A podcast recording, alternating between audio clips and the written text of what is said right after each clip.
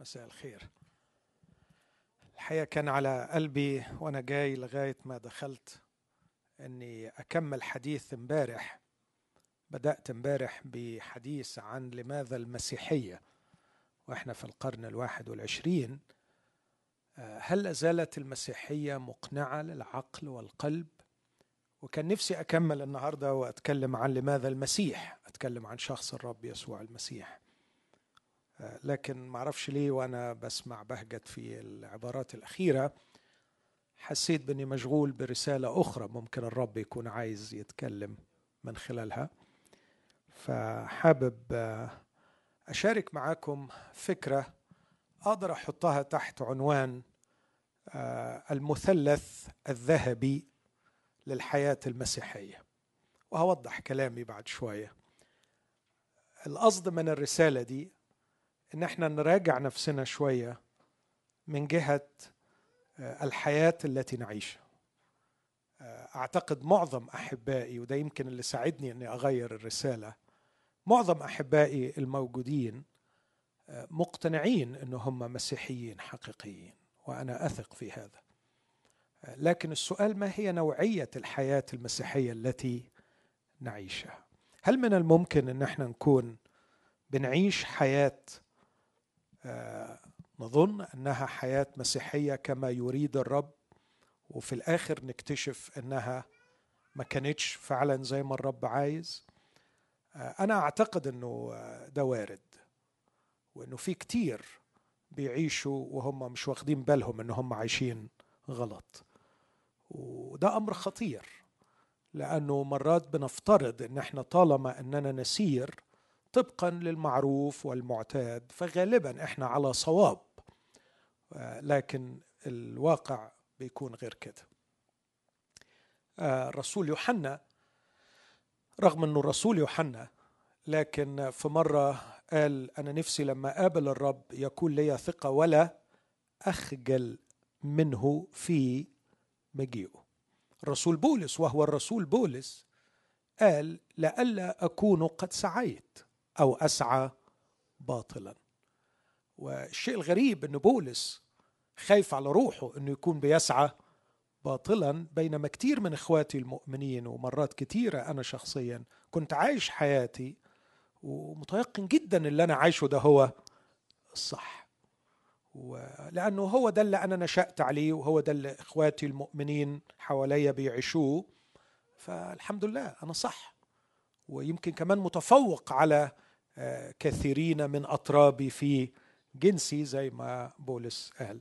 فأنا يعني طبعا أنا مش شخص دوجماتيك يعني مش اللي بقوله ده هو الصواب المطلق لكن أنا بحاول أكتشف الحق وأتعلمه معكم من كلمة الله ومن الخبرات الروحية. ففي تصوري إن في مثلث معين محتاجين إن إحنا نضعه في اعتبارنا. وإحنا بنسلك. المثلث ده اللي أنا بسميه ال golden triangle for true Christian life المثلث الذهبي لحياة مسيحية حقيقية بيقوم على ثلاث ركائز. الركيزة الأولى مفهوم صحيح للخلاص. والأمر الثاني برضو مفهوم صحيح للعبادة. والأمر الثالث مفهوم صحيح للأخلاق. بنختلف في طوائف المسيحية ربما عن بنختلف عن بعض في مفهومنا للعبادة. كل مجموعة بترى العبادة بطريقة معينة. بنختلف ربما في مفهومنا أحيانا للخلاص.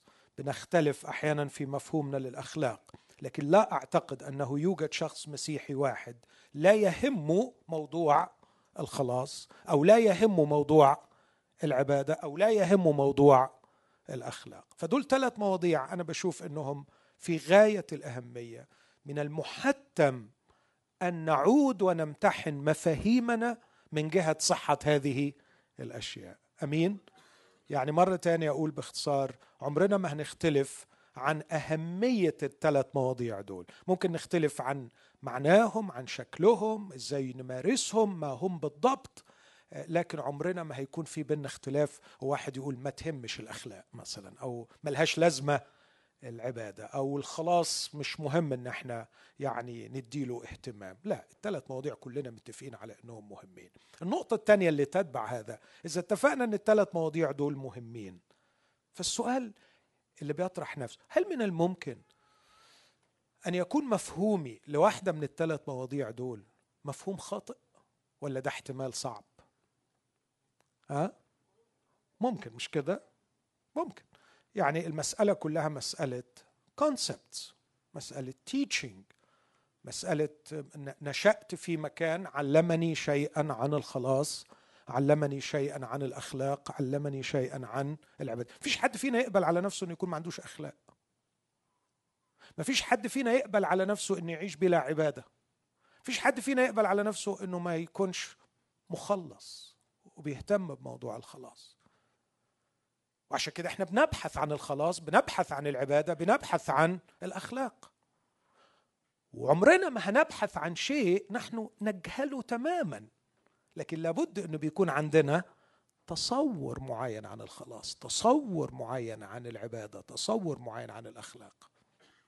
إخوتي الأحباء عشان ما أطولش أنا متيقن أنه أنا وحضراتكم جميعا الموجودين هنا. سواء آه، يعني مهما كانت خلفيتنا مهما اختلفت الخلفيات بتاعتنا مهما اختلفت أعمارنا مهما اختلفت خبراتنا الروحية كل واحد من حضراتكم عنده تصور محدد جدا عن الثلاث أمور دول. هذا التصور تكون مع السنين. منذ الطفولة وإحنا بنسمع قصص الكتاب المقدس. كانت أمي تحكي لنا قصص الكتاب المقدس وأنا أعتقد وإن هي بتحكي قصص الكتاب المقدس لنا ونحن أطفال. كانت تعطينا مفهوم عن الخلاص مفهوم عن الأخلاق مفهوم عن العبادة. طبقا لما تعلمته أمي وأنا مديون لأمي. لكن هناك احتمال أن يكون ما علمتني إياه أمي غير صحيح. والأمر أيضا لدى كل واحد من حضراتكم. فالليلة أنا نفسي أن إحنا نراجع أنفسنا هل مفهومي عن الخلاص عن العبادة عن الأخلاق هو مفهوم صحيح؟ كما تعودت وبحب دايما أني أقرأ جزء من كلمة الله فأستأذنكم نقف مع بعض ونقرأ جزء وبعدين أحاول أتكلم عن الثلاث أمور دول برسالة مختصرة. الجزء اللي مشغول أقرأه في إنجيل لوقا والأصحاح التاسع عشر. كتاب بيقول عن الرب يسوع حاول تتخيل. لوقا يرسم بالقلم. لوقا كان فنان ويرسم بالقلم. فحاول تعيش الصورة اللي بيرسمها لوقا الطبيب الحبيب. يقول عن الرب يسوع ثم دخل واجتاز في أريحة. وإذا رجل اسمه زكا وهو رئيس للعشارين وكان غنيا وطلب أن يرى يسوع من هو. ولم يقدر من الجمع لأنه كان قصير القامة. فرقد متقدما وصعد إلى جميزة لكي يراه. لأنه أي الرب يسوع كان مزمعا أن يمر من هناك. فلما جاء يسوع إلى المكان نظر إلى فوق فرآه وقال له يا زكا يا زكا أسرع وانزل لأنه ينبغي أن أمكث اليوم في بيتك. فأسرع ونزل وقبله فرحا. فلما رأى الجمع الجميع ذلك تذمروا قائلين إنه دخل ليبيت عند رجل خاطئ. فوقف زكا وقال للرب ها أنا يا رب أعطي نصف أموالي للمساكين وإن كنت قد وشيت بأحد أرد أربعة أضعاف. فقال له يسوع اليوم حصل خلاص لهذا البيت إذ هو أيضا ابن إبراهيم لأن ابن الإنسان قد جاء لكي يطلب ويخلص ما قد هلك. هذه هي كلمة الرب. خلونا وإحنا واقفين نقدم الشكر للرب من أجلها ونطلب منه أن يكلمنا ويفهمنا كلمته. رب الحبيب يسوع كما حضرت قديما. وسط تلاميذك في العليه دخلت بينهم وأريتهم نفسك حيا. وقدمت البرهان على أنك أنت الرب المقام. افعل هذا معنا يا رب. اظهر ذاتك لكل واحد فينا. علمنا من جديد أنك الرب الحي المقام. وكما فعلت معهم يا رب إذ فتحت ذهنهم ليفهموا الكتب. افتح ذهني وذهن إخوتي لنفهم تعليمك. ربنا يسوع نقدم لك الشكر لأجل هذه الكلمة المكتوبة. قد إيه إحنا مديونين لأن روحك ساق اناسا خصصهم لهذه الخدمة أن يكتبوا هذا الكتاب. شاكرينك يا رب لأجل الكلمة. اسكنها بغنى في قلوبنا. وأعطنا أن نخبئها. فلا نخطي إليك. آمين. تفضل. طبعا يعني علشان أقدر أقف وقفة إلى حد كبير كافية عند كل كلمة من دول أنا محتاج مؤتمر كامل فأنا هكون مختصر على قد ما أقدر وأتناول بس مفهوم خاطئ واحد وأحاول أقدم المفهوم الصحيح. المفهوم الصحيح للخلاص وده اللي يهمني. آه، هركز على المفهوم الخاطئ عندنا كإنجيليين عند الإنجيليين بصفة عامة. أو البروتستانتيين بصفة عامة. لأنه موضوع الخلاص في الأوساط الإنجيلية أعتقد إن له الأهمية القصوى. كلنا في الكنائس الإنجيلية بنكرز بالخلاص وندعو الناس للخلاص. أهم حاجة عندنا الخلاص واحيانا بنسأل بعض يا ترى تمتعت بالخلاص ولا لا؟ آه إيه هو مفهوم الإنجيليين بصفة عامة؟ عن الخلاص. الحقيقة التعليم اللاهوتي بيكون شيء التعليم الكتابي شيء لكن في الواقع العملي أحيانا بتلاقي شيء تاني. أعتقد إن المفهوم الشائع هو إن إحنا خلصنا من الجحيم وسنذهب إلى السماء. هذا هو مفهوم الخلاص. نحن قد خلصنا من الغضب خلصنا من القضاء خلصنا من الدينونة وبالتالي سنذهب إلى السماء. وكل ترانيمنا وأفراحنا من جهة تمتعنا بالخلاص غالبا بتكون في أذهاننا أننا مطمئنين إذا متنا رايحين السماء. إذا جه المسيح هنكون معاه لسبب بسيط أننا تمتعنا بالخلاص إخوتي اسمحوا لي أقول إنه هذا مفهوم خاطئ. هذا مفهوم خاطئ. ومش بس خاطئ واحيانا بيكون مدمر للحياة. الكتاب المقدس لا يتكلم عن الخلاص بهذا الشكل لكن ببساطة شديدة جدا جدا جدا جدا. الخلاص في المفهوم المسيحي هو خلاص من الخطيه هو ذا حمل الله الذي يرفع خطية العالم. اسمه يسوع لأنه يخلص شعبه مش من الجحيم لكن يخلص شعبه من خطاياه الخلاص هو خلاص من حالة الهلاك بس مش من الجحيم. ولاحظوا إن الرب يسوع في الآية دي قال ابن الإنسان قد جاء لكي يطلب ويخلص مش من سوف يهلكون.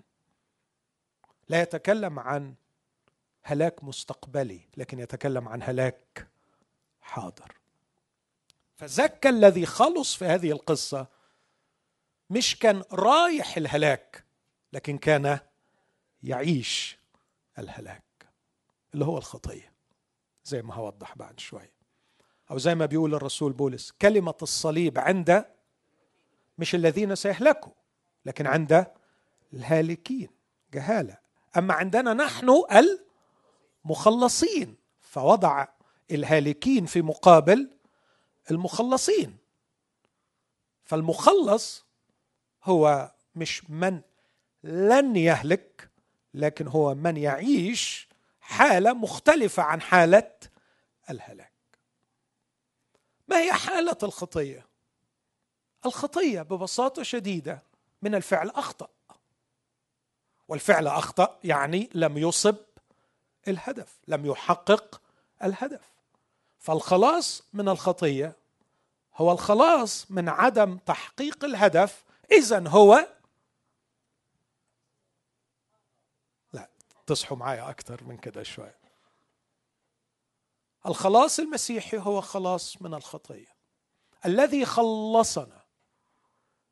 اقرأ الكونتكست بتاع أي آية فيها كلام عن الخلاص. المسيحي في مفهومه الاصلي والاساسي تجد أنه موجه إلى الخلاص من الخطية. صحيح في بعد كده أنواع خلاص أخرى خلاص من الضيقات خلاص من المشاكل خلاص خلاص خلاص خلاص الجسد لكن الخلاص الأساسي الذي جاء يسوع ومات من أجله هو الخلاص من الخطية. الله إذ أرسل ابنه في شبه جسد الخطية ولأجل الخطية دان الخطية في الجسد ليتم حكم الناموس فينا. نحن السالكين ليس حسب الجسد بل حسب الروح. الكلام واضح. لأجل الخطية. جعل الذي لم يعرف خطية خطية لأجلنا لنصير نحن بر الله فيه. لما تقرأ بقية الكلام الكلام متصل بعديها لأنه يقول في وقت مقبول أعنتك وفي يوم خلاص سمعتك. اليوم يوم خلاص والوقت وقت مقبول. إن سمعتم صوته لا تقسوا قلوبكم. هقول تاني وتركزوا معايا بقى. إذا كان الخلاص في المفهوم المسيحي الذي جاء يسوع من أجله هو خلاص من الخطية. الخطية من الفعل أخطأ. الفعل أخطأ يعني لم يحقق الهدف لم يوصب الهدف لم يحقق الهدف. يبقى الخلاص من الخطية هو الخلاص من عدم تحقيق الهدف. إذا هو تحقيق الهدف. الله يفتح عليك. الخلاص من عدم تحقيق الهدف. يبقى هو تحقيق الهدف. It's functional. أنا هالك. مش لما أروح الجحيم. أنا هالك يوم أبقى عايش على الأرض functionless. ما عنديش function. عايش. لا أعيش أحقق الفانكشن أعيش أحقق الغرض الذي من أجله خلقت.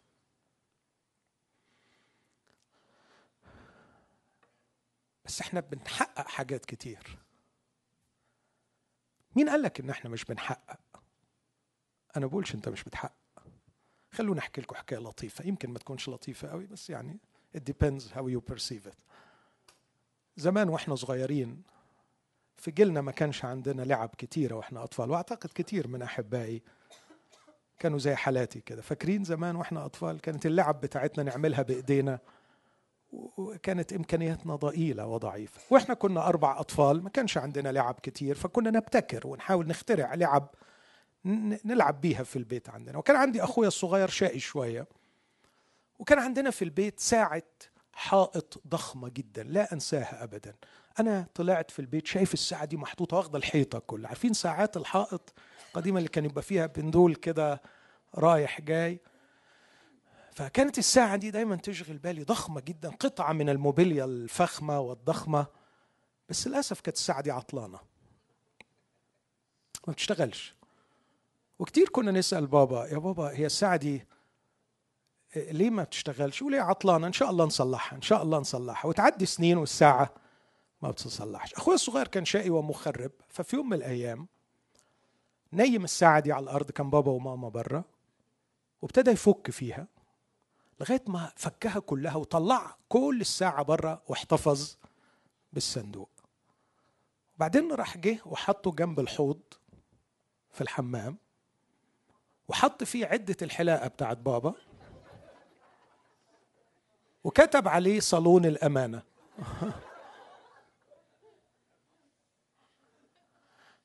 طبعا بابا جه من بره وكان يوم مش فايت يعني. والولد ده اتخد علقة ساعتها وبابا زعل منه جدا إزاي يا ابني تخرب بهذا الشكل وتدمر الساعة العظيمة؟ الولد مش فاهم هو كان عايز يلعب ويتسلى فعمل كده. أغرب شيء إنه بعد كده بابا بقي بيستعمل البتاع ده يحط فيه عدة الحلاقه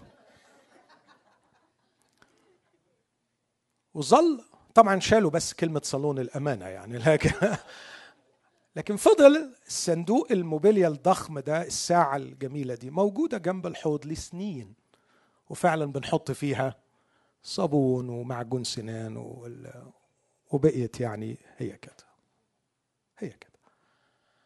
my point إن الساعة دي بتستعمل. بتستعمل. وبابا مصادق على الاستعمال بتاعها. لكن لا تستعمل من أجل الغرض الذي عملت وصنعت من أجله. وصلت الفكرة اللي عايز أقولها. You are functioning. أنا ما بقولش إن أنت مش منتج. أنت منتج. بس أنت هالك. هالك. هالك.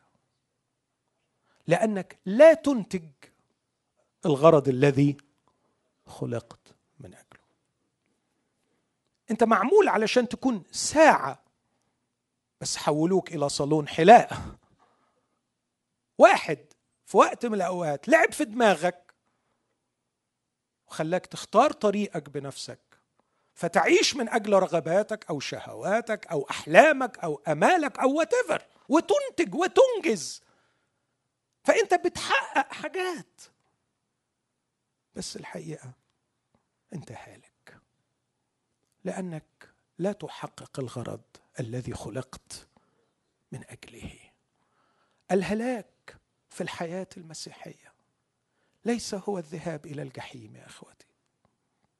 والخلاص من الهلاك ليس هو الخلاص من الذهاب إلى الجحيم. الخلاص من الهلاك هو استرجاع الوظيفة المفقودة. استرجاع الوظيفة المفقودة استرجاع الغرض الذي خلقت من اجله استرجاع الإنسان اللي فسد وخرب. لو قلت عايزين واحد يخلص الساعة دي مش إنه يحولها لصندوق لكن يصلح الساعة يرجعها تبقى ساعة تعمل الفانكشن اللي الصانع بتاعها صنعها من أجله. أعتقد إن زكا كان صورة لحالة الهلاك. زكا كان ناجح. زكا بمقاييس مدينة أريحة رجل ناجح. زكا ما كانش ما بينجزش. زكا عمل عشارا وكان رئيسا للعشارين وكان غنيا وكان صاحب بيت. زكى كان عنده فانكشن كان عنده بيت كان عنده أسرة. كان عنده عمل كان متقدم في عمله كان غنيا. لكن الرب يسوع بيقول على زكا إنه هالك وبيقول إن ابن الإنسان قد جاء لكي يطلب ويخلص ما قد هلك. زكى هالك لأنه ما بيعملش الفانكشن بتاعته اللي ربنا خلقه علشانها. زكى كان من جوه disintegrated. زكى كان من جوه خربان. وعلاقاته من بره خربانة. زكا ما كانش ناجح كإنسان كان ناجح كعشار. زكا كان ناجح كبزنس مان لكن ما كانش ناجح كإنسان. وقد تؤدي عشر وظائف وتنجح فيهم. نجاح ساحق. لكنك هالك ولم تحصل على الخلاص. لأنه في حد خلاك to function in another thing. أنت متشغل بس في مجال آخر. مش المجال اللي أنت اتخلقت من أجله. في يوم من الأيام دخل يسوع هذا البيت وكل شيء تغير. صار زكى فرحا وهو يقبل يسوع في بيته. بدأت علاقة جديدة مع الخالق. وبدأت علاقة جديدة مع الخارج. وبدأ زكى يتحول من آخذ إلى معطي. ومن شخص يدمر حياة الآخرين إلى شخص مثمر ونافع للآخرين. تغير زكى مش تغيرت أخلاقه لكن تغير كيانه بإنسان مختلف. في حاجة حصلت في الراجل ده. التوجهات اختلفت. الغرض اللي بيعيش من أجله اختلف. الرؤية للحياة اختلفت. النفسية اختلفت. الكيان كله تغير. الخلاص يا إخوتي الأحباء هو خلاص من الخطية. من وجهة نظري الخطية هي حالة اغتراب عن الله اغتراب عن المجتمع واغتراب عن النفس. هي disintegration تفكك وتحلل داخلي بيخلي الإنسان منفصل ومستقل عن الله منفصل ومستقل عن الآخرين ويعيش في داخله حالة من التفكك الداخلي. الخلاص هو استرجاع الإنسان. استرجاعه إلى الوضع الأصلي الذي خلق من أجله. يقول يسوع اليوم حصل خلاص لهذا البيت. في خلاص حصل هنا. وما هي الفانكشن الأصلية التي خلق الإنسان من أجلها؟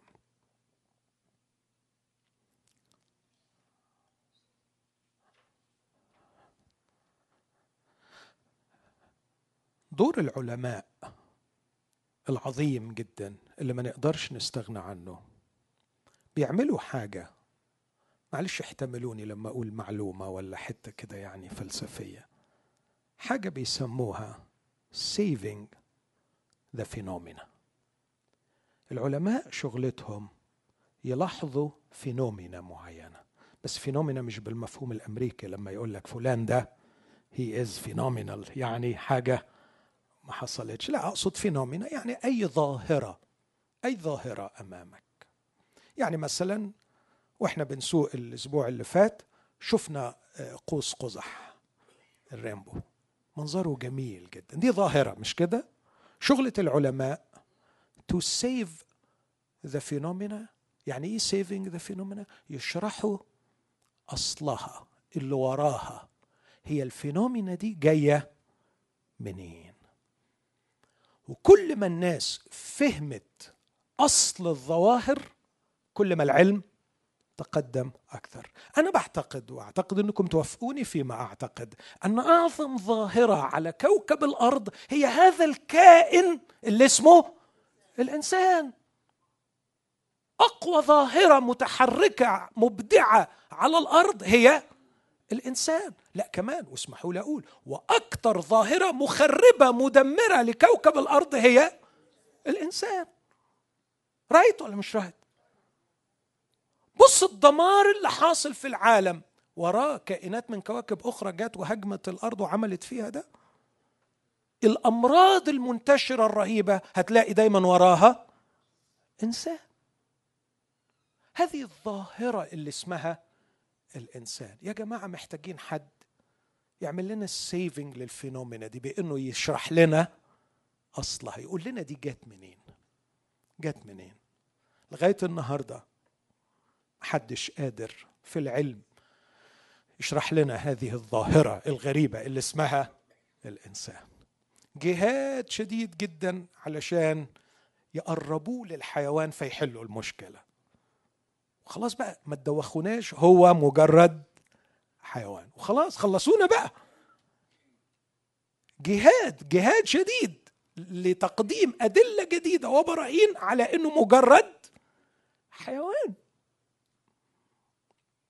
كان بحث الأساسي بتاعي في الدراسة بتاعتي عن تعبير المشهور الكرامة الإنسانية الهيومن ديجنيتي فكنت بقول يا رب جابوا منين التعبير ده؟ تعبير الكرامة الإنسانية.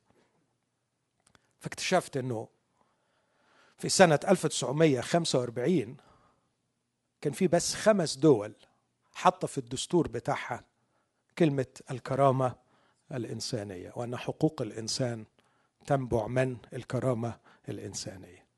في سنة 2012 في من ال 198 دولة 163 دولة حاطة في الدستور بتاعها كلمة الكرامة الإنسانية. ولا دولة واحدة عرفت إيه هي الكرامة الإنسانية.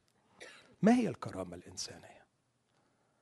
في واحد اسمه جون جراي فيلسوف ملحد كان أمينا مع نفسه وقال كفوا عن هذا الوهم وهذه الأكذوبة. لا يوجد شيء اسمه الكرامة الإنسانية. We are just animals. We are just animals. اتكلموا عن تحقيق السعادة وتخفيف الألم لكن سيبكم من الوهم اللي الديانة أخلقته فينا إن إحنا كائنات لها كرامة. الراجل ده أمين جدا لأنه في الحقيقة إذا كنت بتشوف إننا مجرد مرحلة تطورية من الحيوانات فما تحكيليش خالص عن حاجة اسمها كرامة. إيه, إيه الكلام عن الكرامة؟ يعني حد سمع سمع بيتكلم عن كرامة الكلاب؟ ممكن حقوق الحيوان مش كده؟ لكن ما حدش يسمع عن كرامة الحيوان. لكن إيه كرامة الإنسان دي؟ منين جت فكرة ال human dignity ليها أساس. خلص لي هذه الظاهرة اشرح لي هذه الظاهرة. قل لي ما هو تفسير هذه الظاهرة. الكائن ده العجيب اللي اسمه الإنسان. الفلسفة لا تملك جواب.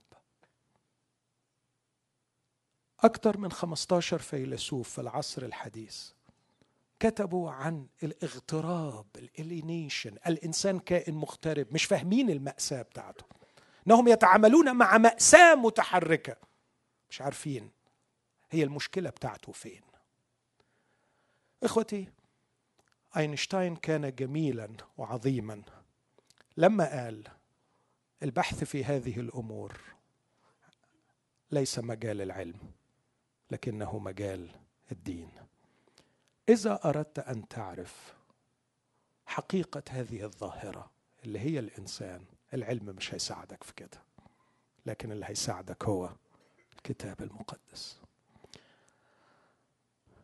في الكتاب المقدس من أول صفحة فعلا ليترالي في أول ورقة فيه قال الله نعمل الإنسان على صورتنا كشبهنا. فيتسلطون على الأرض على وعلى وعلى كل ما هو في الأرض. Created in his image to represent him. نمثل الله ونحمل حضوره على الأرض.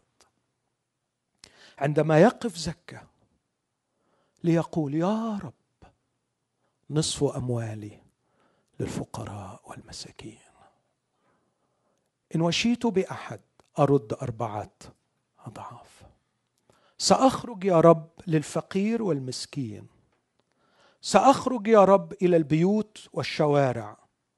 لكي أكون يدي التي تأخذ وتسلب الناس. لكن أكون يدك التي تعطي وتبارك الناس. سأكون يا رب مخلوقك الذي على صورتك أحمل شبهك وأمثلك في أريحة. لأحنو على المسكين والمحتاج. أكون فمك أكون عينك. أكون يدك أكون أحشائك. أنا هنا يا رب لكي أفعل مشيئتك. To be in هارموني معاك بحيث أقدر في النهاية أحقق المشيئة والغرض الذي تريد أنت وتريد أن تحققه في هذا العالم. I am your representative. إخوتي هذه هي الوظيفة الوحيدة للإنسان. وهذا ما جاء من أجله يسوع المسيح. وهذا هو الخلاص. الخلاص أن نعود لكيما نصنع الفانكشن التي خلقنا من أجلها. خلاص functional salvation. مش تاخد ticket تروح بيه. السماء مفهوم هزلي للخلاص. هزلي للخلاص. إنك تاخد ticket تروح بيه. السماء إنه الحمد لله رايحين السماء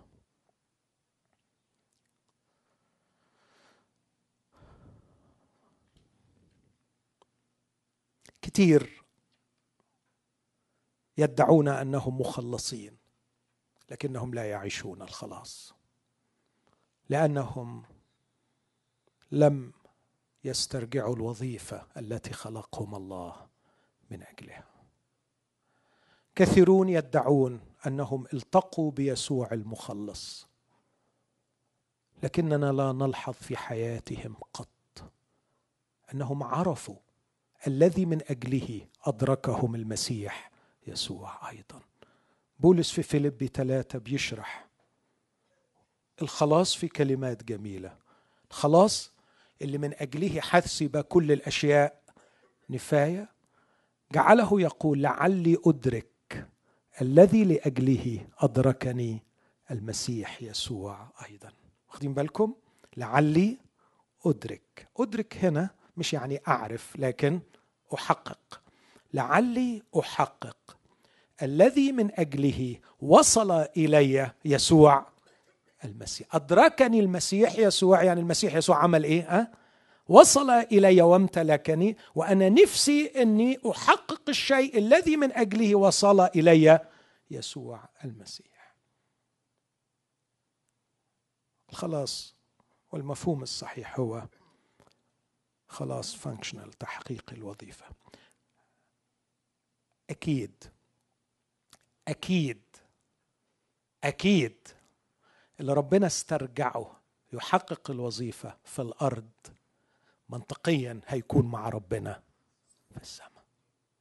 Very simply بمنتهى البساطة إذا كان الله استرجعك للغرض الذي من أجله خلقك وبقيت تحقق غرضه في الأرض أعتقد من المستحيل إنك ما تكونش معاه في السماء. فدخول السماء مع تحفظي على التعبير ده يعني لأنه مش دقيق أو دخول السماء أو الوصول للسماء هو تحصيل حاصل لمن حصلوا على الخلاص.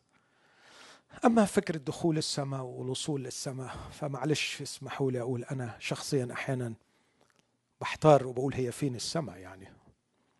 يعني هي فين السماء فوق في الدور الفوقاني.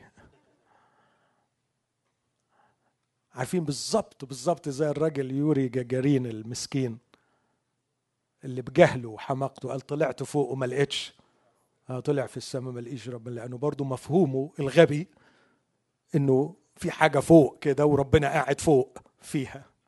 ربنا قاعد فوق يعني في الدور الأرضي اللي إحنا فيه ده وبعدين في الدور الابستيرز ربنا قاعد فوق يعني اختزال بشع للكوزمولوجي رغم كل المعرفة اللي وصلنا بصراحة خلونا نكون من الموضوع أعمق جدا أعمق وأبعد جدا من أفهامنا أين الله؟ هل الله يحد في مكان أم هو خارج المكان؟ وهل السماء مكان؟ وما هي السماء؟ لا أعرف. لكن أعرف شيئا يقينا. إني أمثله هنا وسأكون معه هناك. Very simply. هذا هو الخلاص. أمثله هنا. أحمل حضوره هنا. أعرفه وأعيش معه. وحتما عندما أخلع هذا الجسد سأكون معه.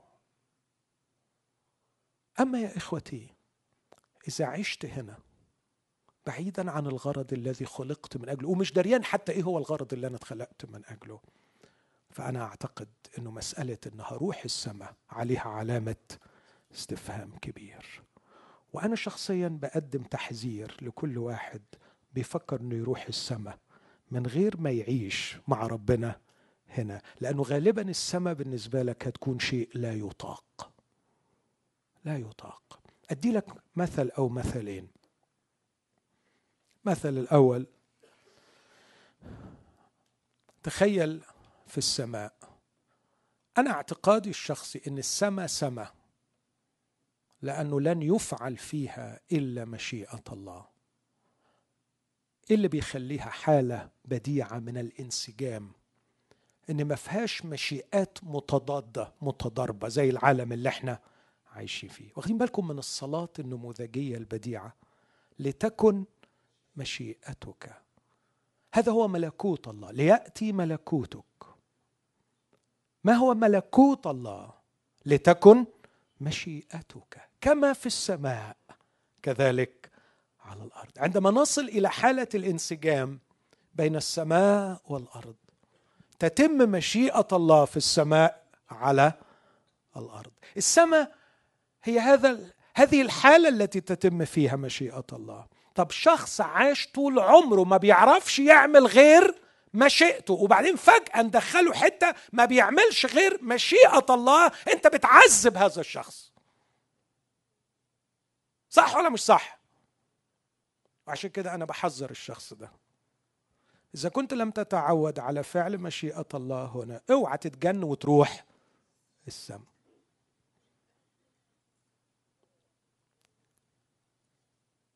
يعني مثل تاني على جنب كده بين قوسين في أشخاص بيجدوا قيمتهم وسعادتهم وحياتهم في الانتماء لطائفة معينة بينتموا إليها بحيث يعني تاخده من الطائفة دي أنت بتعمل إيه؟ ها؟ بتهلكه بتعدمه. في مأساة كبيرة في السماء ما فيش طوائف. فالأشخاص دول لما هيروحوا السماء هيعانوا من أزمة هوية حادة. Identity crisis لأنه هيبقى مش لاقي طائفة ينتمي إليها في السماء ما فيش طوائف. فأنا برضو أنصح الأشخاص دول بعدم الذهاب يعني دي بين قوسين كده جست فكاهة يعني. في السماء هناك انسجام لأننا سنستمتع بأن نعمل مشيئة الله. الشخص الذي حصل على الخلاص لا يشقيه إلا أمر واحد أني كثيرا ما أشتهي أن أعمل مشيئته لكني أرى ناموسا آخر في أعضائي يحارب ناموس ذهني. إن شقائي في هذه الحياة هو أني أرغب بكل كياني أن أعمل مشيئة الله. نفسي أمشي وراء المسيح وأقول له أن أعمل مشيئتك يا إلهي سررت وشريعتك في وسط أحشائي. لكني أرى ظروفا حولي وأرى أعضاء أو رغبات في جسدي تقاوم مشيئة الله. هذا هو صراعي هذا هو شقائي هذا هو ما يتعسني وهذه هي حربي وجهادي. أريد أن أنتصر. لكي أفعل مشيئة الله. الشخص ده بالنسبة له السماء أروع خبر. أبشر أبشر يا حبيبي. في السماء لن يكون إلا مشيئة الله. يقول لك يا يا هختم النقطة دي بالعبارات الشهيرة. وأنتم إذ كنتم أفسس اثنين. وأنتم إذ كنتم أمواتا بالذنوب والخطايا التي سلكتم فيها قبلا. حسب دهر هذا العالم حسب رئيس سلطان الهواء الروح الذي يعمل الآن في أبناء المعصية الذين نحن أيضا جميعا تصرفنا قبلا بينهم في شهوات جسدنا عاملين مشيئات الجسد والأفكار وكنا بالطبيعة أبناء الغضب كالباقين أيضا. الله الذي هو غني في الرحمة. من أجل محبته الكثيرة التي أحبنا بها. ونحن أموات بالخطايا أحيانا مع المسيح. جعلنا نعيش حياة المسيح. بالنعمة أنتم مخلصون. وأقامنا معه. وأجلسنا معه في السماويات. مش لسه هنروح السماء. في المسيح يسوع. ليظهر في الدهور الآتية غنى نعمته الفائق. باللطف علينا في المسيح يسوع. لأنكم بالنعمة مخلصون. بالإيمان وذلك ليس منكم هو عطية الله ليس من أعمال كي لا يفتخر أحد. اسمع عدد عشره لأننا نحن عمله. مخلوقين في المسيح يسوع لأعمال صالحة قد سبق الله فأعدها لكي نسلك فيها. هذا هو الخلاص.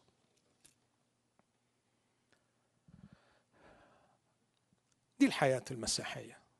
حياة الخلاص. شخص يؤدي الوظيفة التي خلق من أجلها. طبعا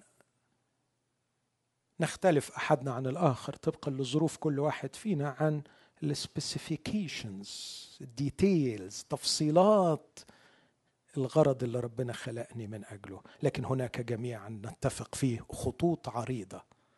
أعمال صالحة سبق الله فأعدها لكي نسلك فيها. المفهوم الثاني اللي مش يعني متفق عليه وهو مفهوم العبادة. كلنا فاهمين إن إحنا لازم نعبد الرب لكن للأسف حدث تشوه للعبادة. عندما تم اختزالها إلى مكان وزمان فنحن نعبد الله في مكان العبادة في ساعة العبادة. الرب يسوع في إنجيل يوحنا أصحاح أربعة غير هذا المفهوم. وقال إن المفهوم ده يهودي أما المفهوم المسيحي فهو مختلف. قال المسيح للمرأة السامرية يا امرأة صدقيني تأتي ساعة وهي الآن لا في هذا الجبل ولا في أورشليم تسجدون للاب لأن الساجدون الحقيقيون يسجدون للآب بالروح والحق. الآب طالب مثل هؤلاء الساجدين له. زمان عملت دراسة ممكن تلاقيها على الإنترنت تحت هذا العنوان يغش نفسه. وقلت إنه في منتهى الخطورة إن الواحد يعيش بيغش نفسه وهو بيظن أنه يعبد وهو لا يعبد. وقلت في هذه الدراسة إني بحثت في العهد الجديد كله عن فكرة اجتماع للعبادة. لم أجد. لم أجد مرة واحدة في كل العهد الجديد أن المؤمنين يجتمعوا لكي يعبدوا. لكن عندي أدلة كثيره أن العابدين يجتمعوا معا. فهو اجتماع العابدين وليس اجتماع للعباده لأن الآب ليس طالب سجودا لكن الآب طالب ساجدين. تقول يا على الفزلكة. يعني فرقت. إخوتي اسمحوا لي لما أقول نحن كائنات لغوية ونحن نعيش كمنتج لغوي. إحنا في الآخر بنعيش اللغة اللي إحنا نستعملها. إذا قلنا اجتماع للعبادة وهو تعبير غير كتابي. يبقى معناها إن إحنا لا نعبد إلا عندما نذهب للاجتماع. وعندما نخرج من الاجتماع ودي الكارثة الاكثر نعمل إيه؟ خلاص خلصنا عبادة الحمد لله. الحمد لله. عملنا اللي علينا. طلب مننا عبادة وعبدناه طلب مننا ساعة ورحنا له. الحمد لله الحمد لله. الواحد برضه ضميره مرتاح. الحمد لله الذي أنعم علينا بنعمة العبادة يعني فعبدنا. وأنجزنا. ونذهب لنعود بضمير مستريح. لكن الآب طالب ساجدين. الشخص المسيحي الحقيقي يعيش حالة العابد. قبل الاجتماع عابد. وفي الاجتماع عابد وبعد الاجتماع عابد. وياتي كعابد ليجتمع مع العابدين فيسعدوا معا بالفرح والترنيم والتعليم ويبنوا أحدهم الآخر. لكن أتوا عابدين ويخرجوا عابدين. هياكل الله المتحركة التي تحمل حضوره في هذا العالم. ما هو مفهوم العبادة؟ مرة واحدة في العهد الجديد جاءت كلمة العبادة في صيغة النون بالمفهوم المسيحي الصحيح في رسالة روميا أصحاح 12 والأعداد الأولى. روميا 12 واحد واثنين اسمع هذه العبارات. أطلب إليكم برأفة الله أن تقدموا أجسادكم. ذبيحة حية مقدسة مرضية. عند الله. إيه هي دي؟ عبادتكم. العقلية. عقلية يعني ال reasonable ال logic هو هي دي العبادة؟ ال logic اللي المفروض إنك تعبدها للرب. أن تقدموا أجسادكم. ذبيحة حية مقدسة. إخوتي كيف نقدم أجسادنا ذبيحة حية مقدسة لربنا على كراسي الاجتماعات؟ إزاي يعني؟ لا مش المقصود بها خالص الاجتماعات. لكن تقدموا أجساد خلي الآية من فضلك. تقدموا أجسادكم ذبيحة حية مقدسة مرضية عند الله. يعني هذا الجسد صار هو الذبيحة التي أقدمها للرب كل يوم. يا رب.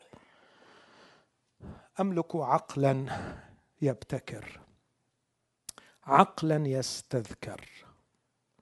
أملك عقلا يحلل ويستنتج ويستنبط.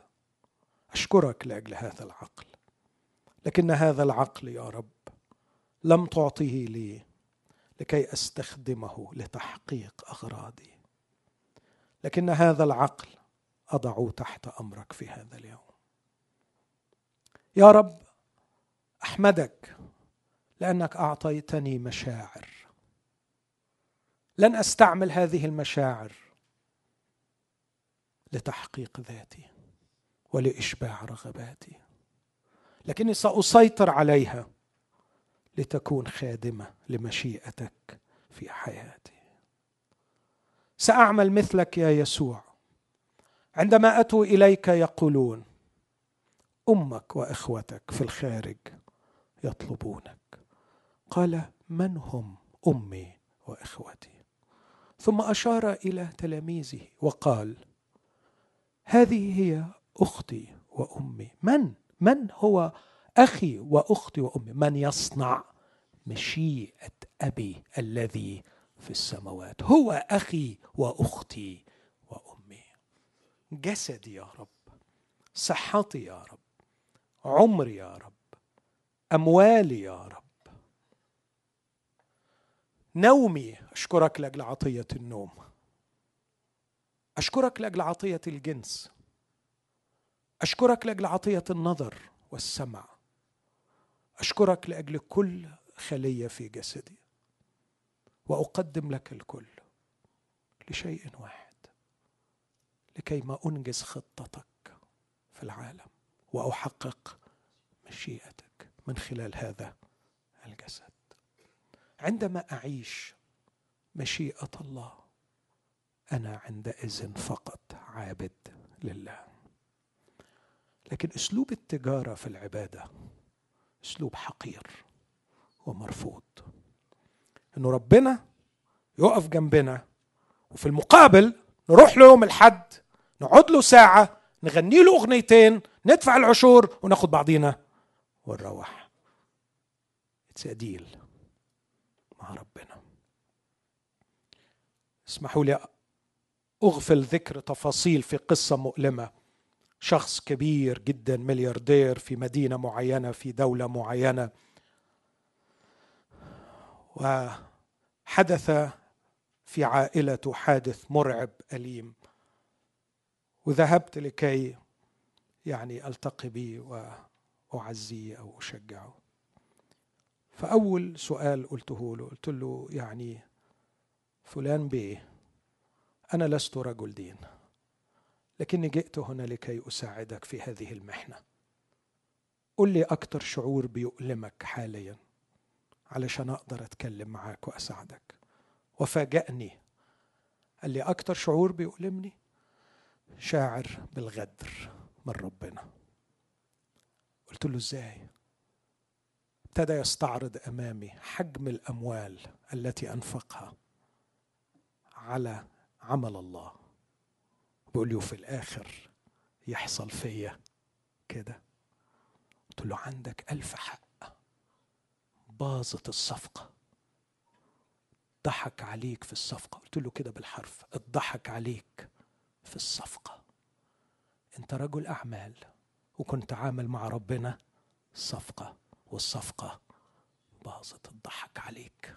بس على فكرة عندي خبر حلو ليك جدا إن الإله اللي أنت كنت عامل مع الصفقة ده ما هواش الله الحي الحقيقي. أنت كنت عامل صفقة مع إله مزيف غلط بيترشي بما يسمى العبادة. لكن الإله الحقيقي لا يطلب عبادة. الإله الحقيقي طالب ساجدين طالب عابدين طالب شخص يحبه يحبه ويدخلوا في علاقة مع بعض. لقد صار زكى عابدا عابدا عابدا عندما دخل يسوع إلى بيته. مفهوم خاطئ للعبادة.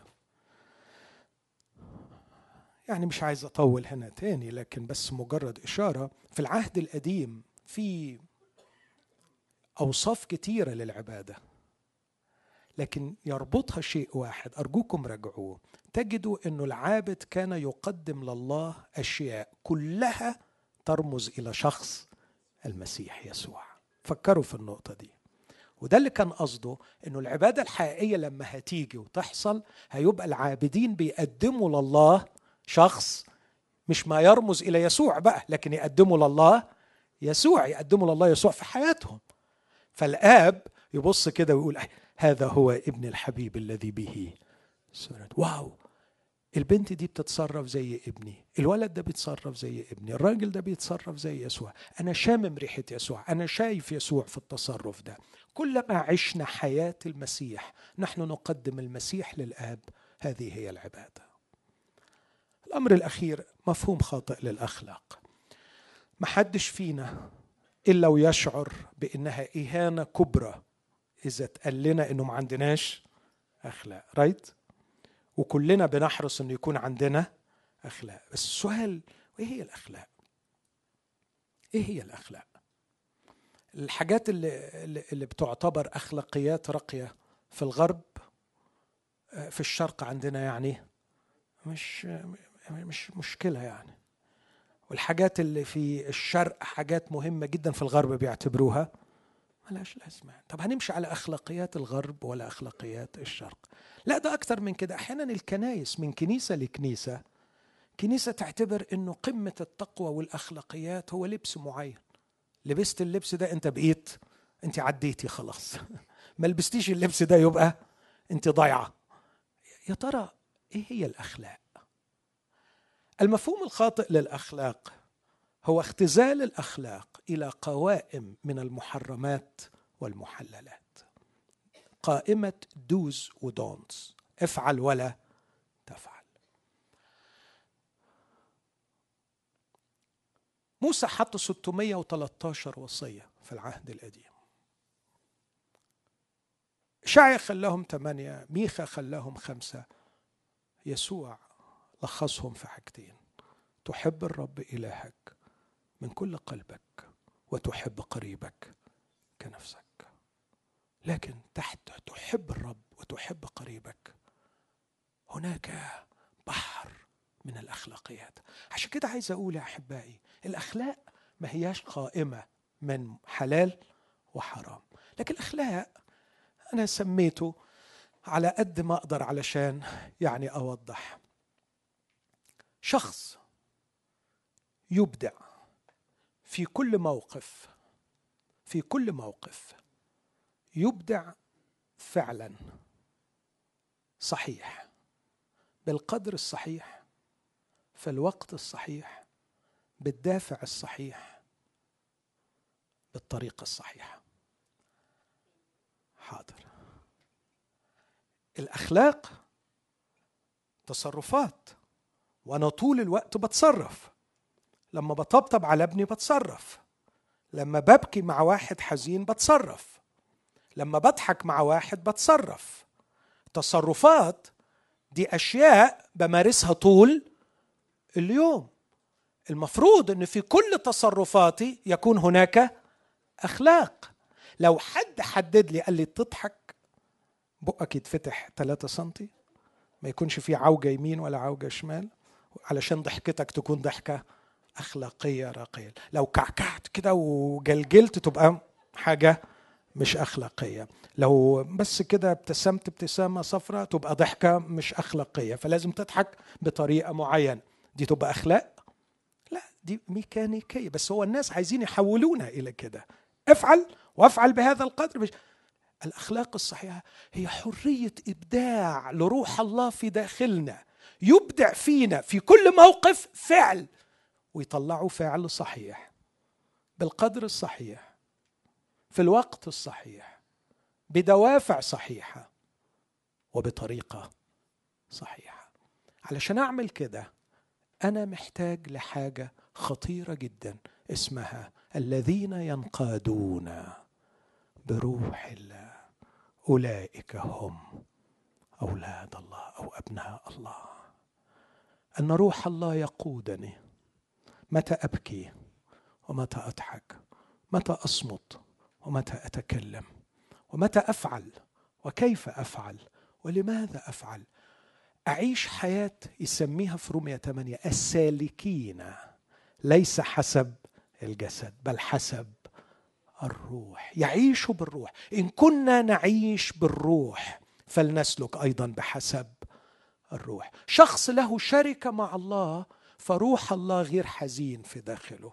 فتكون النتيجة إن روح الله بيقوده علشان يتصرف بشكل صحيح. أنت بقى تتفرج وتقول هو عملها إزاي كده؟ طب أنا هعملها زيه. تيجي تعملها زيه تطلع تقليد وتبقى شكلها ماسخ وتستغرب تستغرب تقول أنا مش عارف قبلوها من فلان بس مش قابلينها مني رغم إن أنا عملت زيه بالظبط. علشان بتاعته هو طالعه حقيقية وبتاعتك انت بلاستيك غش مزيفة مضروبة صيني تايواني اللي بيقولوا في مصر حاجات مش مش حقيقية.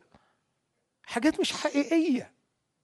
حاجات نتيجة المفهوم الخاطئ للأخلاق إنه الشخص اللي أخلاقه راقية وأخلاقه مسيحية وأخلاقه عالية يعمل كذا وكذا. فجست إن إحنا عمالين نقلد من غير ما يكون منتج داخلي من الروح القدس.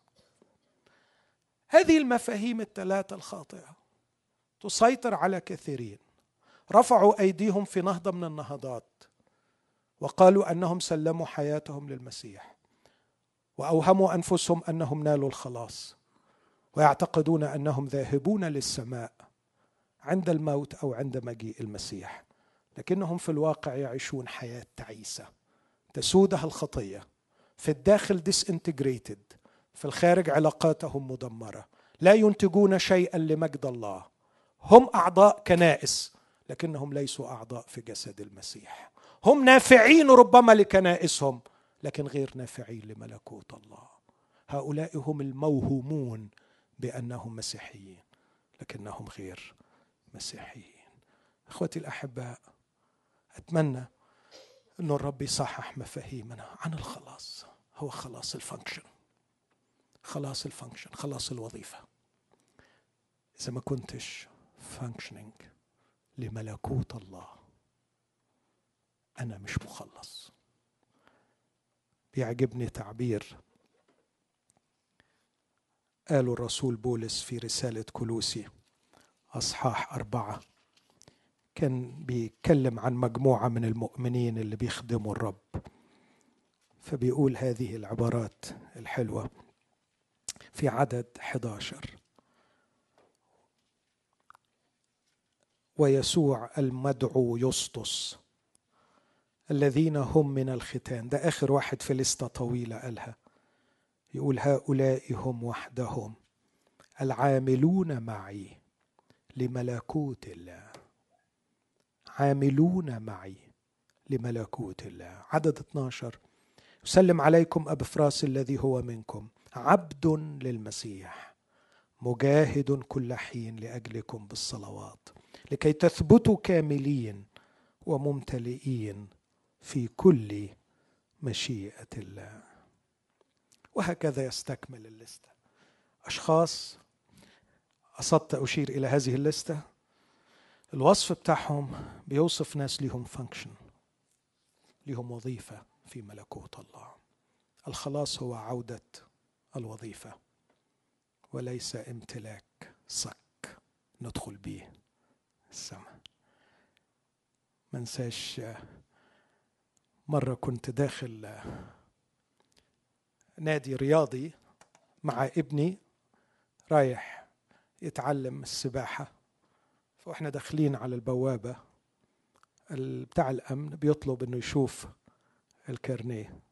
فوريته الكارنيه فالراجل عدانا. فكانت فرصة رائعة. ابني سألني قال لي بابا هو الكارنيه ده عامل زي الخلاص؟ لما نوريه للرب يسوع يدخلنا السماء؟ قلت له واو رائع يا ابني كويس إنك فتحت الموضوع لأن هو ده المفهوم اللي وصله من مدارس الأحد إنه ياخد الخلاص يعني خد الكارنيه اللي هيدخل بيه السماء. السماء اللي ما تتعش هنا مش هتتشاف هناك. السماء اللي ما تتعش هنا مش هتتشاف هناك. والسماء اللي هناك هي فعل مشيئة الله مش الجلوس على ريكلاينرز. نغني إلى أبد الآبدين. في حالة من الكسل والملل الأبدي فكر سخيف وتصور سخيف عن الأبدية. إن إحنا هنروح لحالة من الخمول والكسل الأبدي. نقعد بس عمالين نغني إلى أبد الآبدي لا السماء أنا لا أعرف ماذا سيحدث هناك. كل الأوصاف اللي جت في سفر الرؤيا ما فيش ما فيش ما فيش ما فيش. ما فيش دموع ما فيش وجع ما فيش ما فيش. تعرف آخرتها يعني؟ يعني ما فيش خطية؟ يعني ما فيش خطية؟ لأن كل البلاوي دي جت من ورا الخطية. ما فيش خطية. طب ما فيش خطية يبقى في إيه؟ في مشيئة الله. ده اللي أعرفه. هناك في بيت أبي في السماء. هو سماء. لأني هناك سأفعل مشيئة أبي الذي في السماوات. وأنا أعرف أن أبي صالح ومشيئته صالحة. وأعرف أن أبي عظيم ومشيئته عظيمة. أعرف أن أبي حلو جدا فمشيئته حلوة جدا. أعرف أن أبي مبهج جدا فمشيئته مبهجة جدا. شيء واحد وحيد. أعرف أنه يقيني في السماء. أني هناك سأفعل مشيئة أبي. وعلى قدر ما أعيش هذه المشيئة هنا سأستمتع بالمشيئة هناك. دعونا نحني قلوبنا ورؤوسنا ونصلي.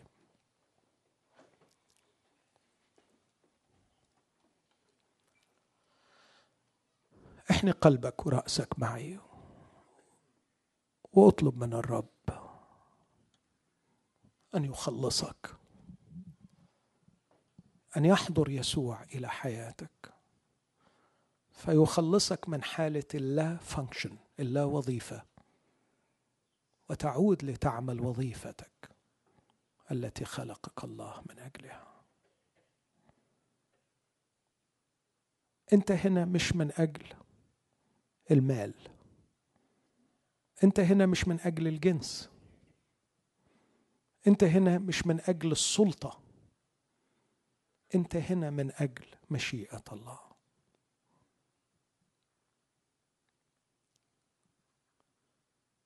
ليتقدس اسمك.